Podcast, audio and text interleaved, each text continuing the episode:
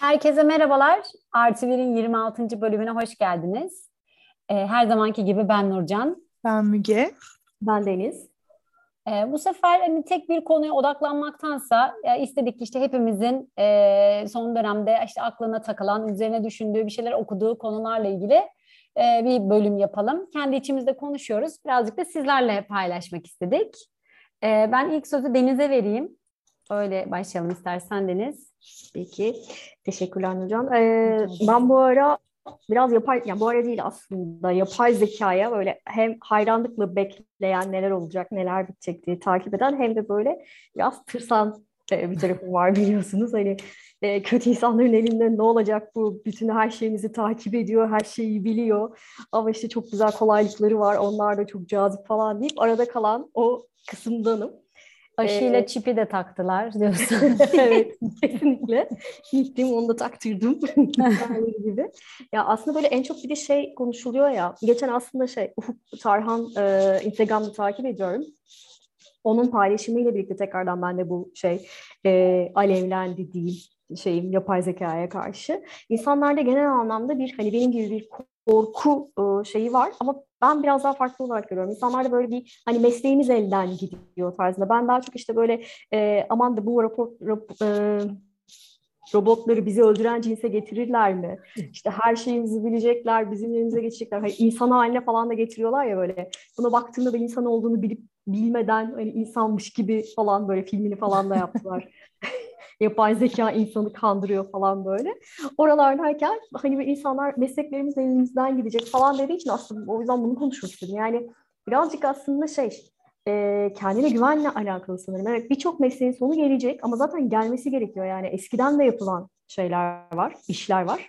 E, ve artık yapılmıyorlar çünkü bunun çok daha kolaylaştırıcı bir şekilde yapabilen şeyler var. Makineler var. Bu bunun ileri boyutuna gidiyor.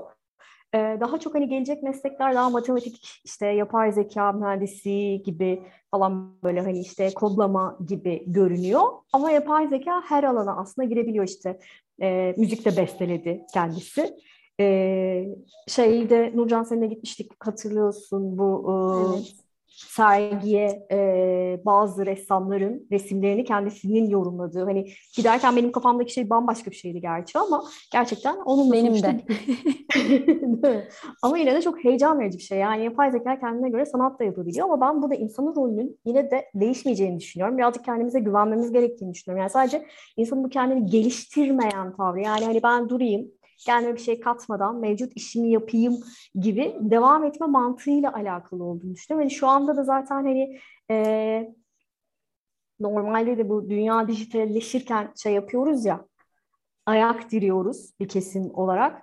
Bunun aslında bir üst boyutu yapay zeka gibi geliyor bana. Yani yapay zekaya da ayak diremek için böyle bir bir kesim var ama geliyor gelmekte olan şeklinde. Ben de Deniz'e katılıyorum. Ee, yani dijital dünyayı ciddi manada ayak direyen insanlar var. Ee, bu ben bunu şeye benzetiyorum aslında. Biraz hani anlamamak, işte hani dışında kalmak. Bunu insan olarak çoğumuz kabullenemiyoruz ya. Hani bir şey tam anlayamıyorsan bu da neymiş ki böyle falan gibi bir tepki oluyor sanki insanlarda. E, ama dijital dünya gerçekten gümbür gümbür geliyor. Yani sadece iş hayatında değil, e, özel hayatta da öyle aynı şekilde. Hatta tamamen insanların yaşamını e, dijitale taşımak gibi bence bir e, hayal ve proje var. Belki siz de duymuşsunuzdur işte Barış Özcan dinleyenler hani en erken her şeyden haberdar oluyor genelde biliyorsunuz. Metaverse ben e, hatta geçen gün Nurcan'ın oğluyla ve kendi kızımla da paylaştım. Açıkçası böyle şeyler beni çok e, heyecanlandırıyor.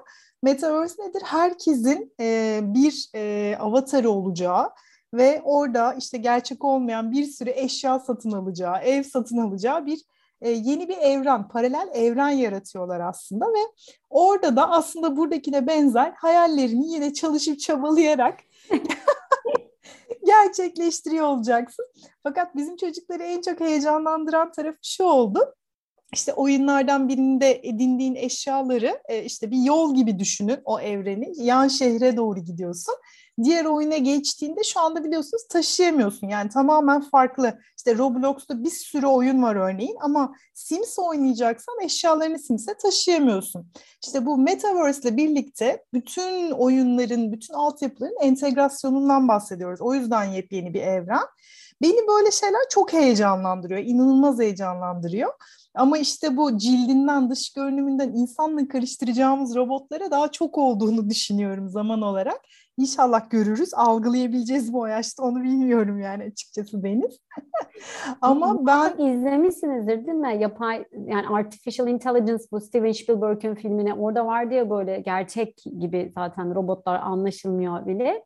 Bu çok etkileyici bir filmdi ve yıllar önce çekildi aslında. Bazı şeyleri de bize hep böyle filmlerle alıştırıyorlar ya. Önce orada görüyoruz. Ondan sonra hani gerçek hayatta deneyimliyoruz. Belki hatırlarsınız Netflix'te bir belgesel vardı. E, zenci kanser hastası bir kadın. E, onun bütün zihnini e, bir yapay zekaya aktardılar. İzlediniz mi onu bilmiyorum. Muhteşem Yok, bir yapımdı. Yani kadın vefat ediyor sonrasında ama e, kadın ne tepki veriyorsa eşiyle o kafa yaşamaya başlıyor. Dış görüntüsü, görüntüsü de belli, bedeni yok. Ama işte adam işte bugün canım çok sıkkın, hava kapalı falan dediğinde karısı ne tepki verirse o yapay zeka o tepkiyi verir hale geldi. Zaten o noktadayız. Yani Deniz'in dediği Aynen. gibi sadece bir bedene belki koyup işte e, onun gezmesi kaldı ama beyin anlamında tamamen aktarır vaziyette. Deniz sen de bir dizi izlemiştin. Evet. Onun adı neydi? Ee, ben de Upload'du galiba yanlış hatırlamıyorum. Evet Upload'du herhalde. Ee, orada şey e, sanal ahiret mi diyeyim artık ne diyeyim yani öbür tarafa öldüğünde bir yükleme gerçekleştiriliyor. Senin işte beynini e, bilgisayar ortamına yüklüyorlar ve senin işte avatarın gibi yani aslında oluyor. E, vücudun falan onu yok ediyorlar. Sanal ee, dünyada yaşıyorsun. Yaşıyorsun ama şey dedi e, normal hayatta hayatı devam eden canlılarla da iletişime geçebiliyor. E, orada da mesela şey müşteri temsilcileri var. Onların işte rahat ettirmeye çalışıyor. işte sanal, Çok içimi cenneti. sıktı benim o deniz ya. orada bile zengin fakir ayrıma dedim Allah var, cezanızı var. versin ya. Biri işte bir, müthiş bir doğanın içerisinde yaşıyor. Ya. Bırakın artık yani artılmış. Evet gerçeklikte bile sınıflara ayrılmış. Vardı. Bu hani daha böyle bir komedisi.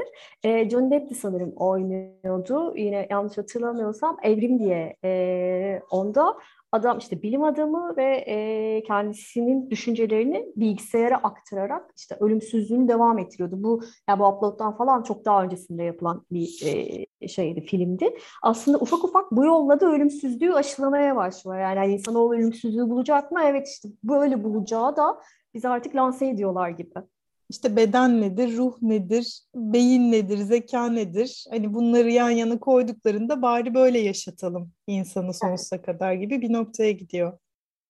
Dan Brown'un kitabında da en son kitabında da biliyorsunuz yapay zekaya bağlıyordu ya. ya adını şu an hatırlayamadım bir türlü ama işte bu müzeyle başlayan, evet, İspanya'da evet. bir müzede başlayan onunla da çok çarpıcıydı orada e, ve biraz böyle dinle ilgili de bir bağlantıları vardı falan. Ben hani okurken de çok keyif almıştım e, o kitapta da. Yani çok eleştirenler de var tabii hani Dan Brown'la ama e, o anlamda benim hoşuma gitmişti. Yani yapay zeka ile hani bir sıfırdan aslına bakarsan yaratılışla Hani onu da bağdaştırıyor falan. Güzel yazılmış bir kitaptı. Doğru söylüyorsun. Bir şeyleri saklıyordu galiba Origin bir yerlere. miydi? Origin. Ben, evet evet. Evet. Şu an. Doğru. Origin'de. Çok da güzel bir kapağı vardı. Ben Dan Brown'u çok hani sürükleyici evet. ve şey etkileyici buluyorum. Ciddi araştırma yaparak yazan bir yazar. Hani o tarafta çok kuvvetli. E, evet ama şu mesela şimdi birazcık daha böyle bir sanat tarihine merak saldım ya işte kitaplar okumaya çalışıyorum falan biraz da anlamaya çalışıyorum. Şimdi ilk ben de Dan Brown'un kitabıyla da Vinci'yi falan işte yok Mona Lisa yok oradaki son akşam yemeğindeki şifreler işte nerede ne anlatmak istiyor böyle bir sürü şeyler vardı ya resimlere bakıyordum aa öyle miymiş böyle miymiş falan diye onların aslında hiçbirinin olmadığı hani hep yanlış yönlendirildiği insanların da şimdi birazcık daha iyi anlıyorum. E, o yüzden biraz eleştiriliyor ama bence yazım dili olarak gerçekten çok keyifli yani okurken çok güzel gidiyor, akıyor. Ama o bir sonuçta hani ansiklopedi değil, o bir kurgu, değil, tabii, o bir tabii. kitap. Hani insanlar hep bence orada yanılgıya düşüyor okudukları bir kitaplarda. kurgu da var neticede işin içinde. E, hayal sonuçta insan, yazarın bir hayali var. Hani bana çok şey gelmiyor ama gerçekten e, onu yaşatıyorsa da o da bir başarı. Hani gerçekmiş gibi hissettirebiliyorsa. Ben biraz onu şeyden kaynaklı olarak düşünüyorum. Ee, işte yani bizde de mesela tarihini dizilerden öğrenmeye çalışan şeyler var ya. Yani Tabii. bu kurgulara hani normalde öğrenmeye çalışmadığım için bu kurgulardan bir şey öğrenmeye çalışıp ondan sonra yo göstermiyor. Yani sonuçta adam orada tabii ki de biri bir aynısını geçirmeyecek zaten. Kendi dünyasını, kendi hayal gücünü katıyor. Biliyorsun milletçe Kanuni Sultan Süleyman'ın oğlu Mustafa'yı boğdurduğunu diziden öğrendi hemen herkes. Evet. Baktığı zaman inanamadı. Sonra Ufacık hata yapsak şey Mustafa'nın gittiler ya mezarına falan dualar okundu falan yaptı. Çok normal o yüzden hani bizim böyle olmamız.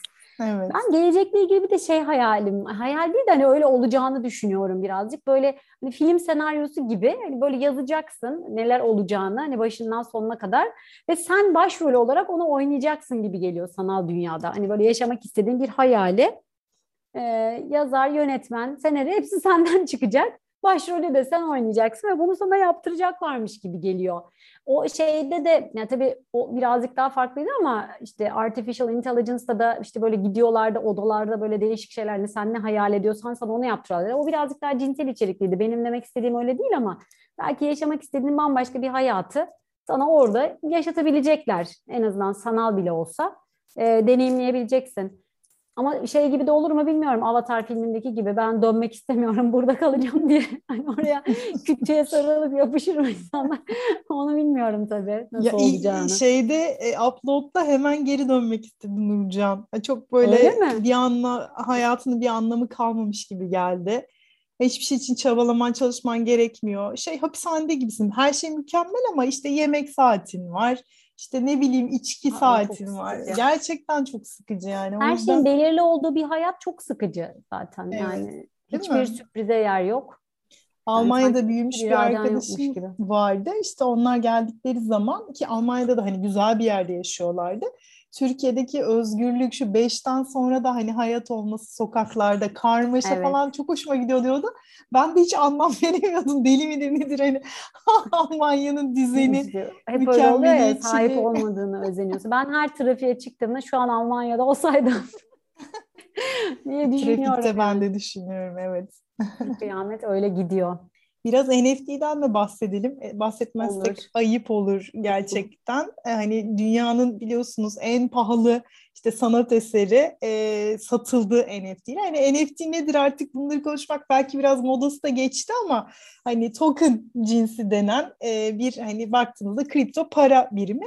Biz bu, mesela bu bölümümüzü koyabiliyoruz değil mi? NFT olarak satabiliyoruz. Yani NFT olarak tabii. satabiliyoruz. telif hakkı talep edebiliyoruz. Yani ana bölüm bize ait oluyor. Bu hani tüm sanat eserleri için geçerli dijital dünyada.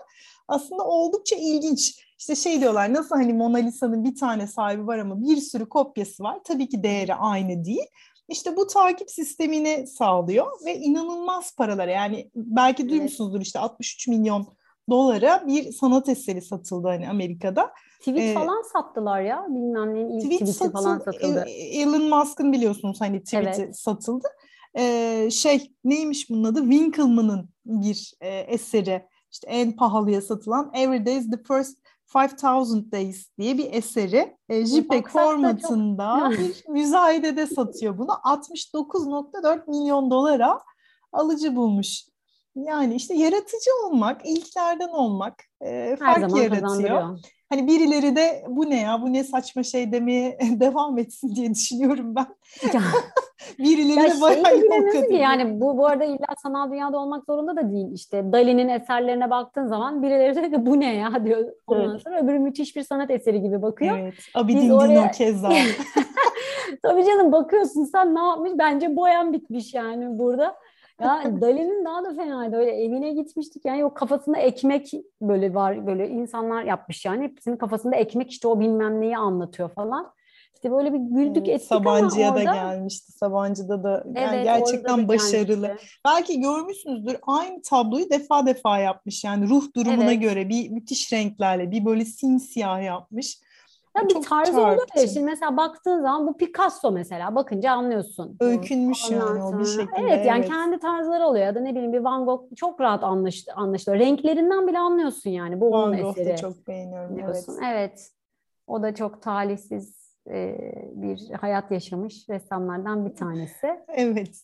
Yani şimdiki dünyada olsa bilmiyorum NFT olarak satarlardı belki ama o zaman bir şey satamamışlar. Evet. Hayat, hayattan sonra zaten gittikten sonra şey oluyor ya birçoğu. Ya ben hep bunu şeye bağlıyorum. Hani zamanının çok ötesinde olduğu için bu sanatçılar. Yani o zamanda yaşayan insanların onu bir yere konumlandırması çok mümkün olmuyor işte. Yüz yıl, bilmem kaç yüzyıl sonra ya da ancak anlaşılabiliyorlar. E, evet ama bazıları da zamanında bayağı da değer görmüşler. Şimdi işte böyle okudukça mesela şeyi de görüyorum. İşte Leonardo da Vinci de öyleymiş. İşte Michelangelo falan da öyleymiş. Çok Saraya çok değer falan verilmiş. yanaşabilen, Rönesans dönemine falan denk işte, gelebilen. Ma- malum şeyde İtalya'da Medici ailesine yani sevdiren kendini. Orada papayla falan böyle bir ahbaplık, dostluk bir şey kurdu mu Allah orada da direkt böyle şeyler var. ihaleler sana geliyor. Bütün davetlere katılıyorsun böyle. Tabii tabii diyorlar ki işte bilmem ki Şapel'in işte tepesi yapılacak. Yapar tabii yaparım. Ona veriliyor işler falan. Ee, orada yani Aile kendini sevdirmek, etmek tabii. tabii. Oradan çok çok ciddi paralar hani, kazanmışlar.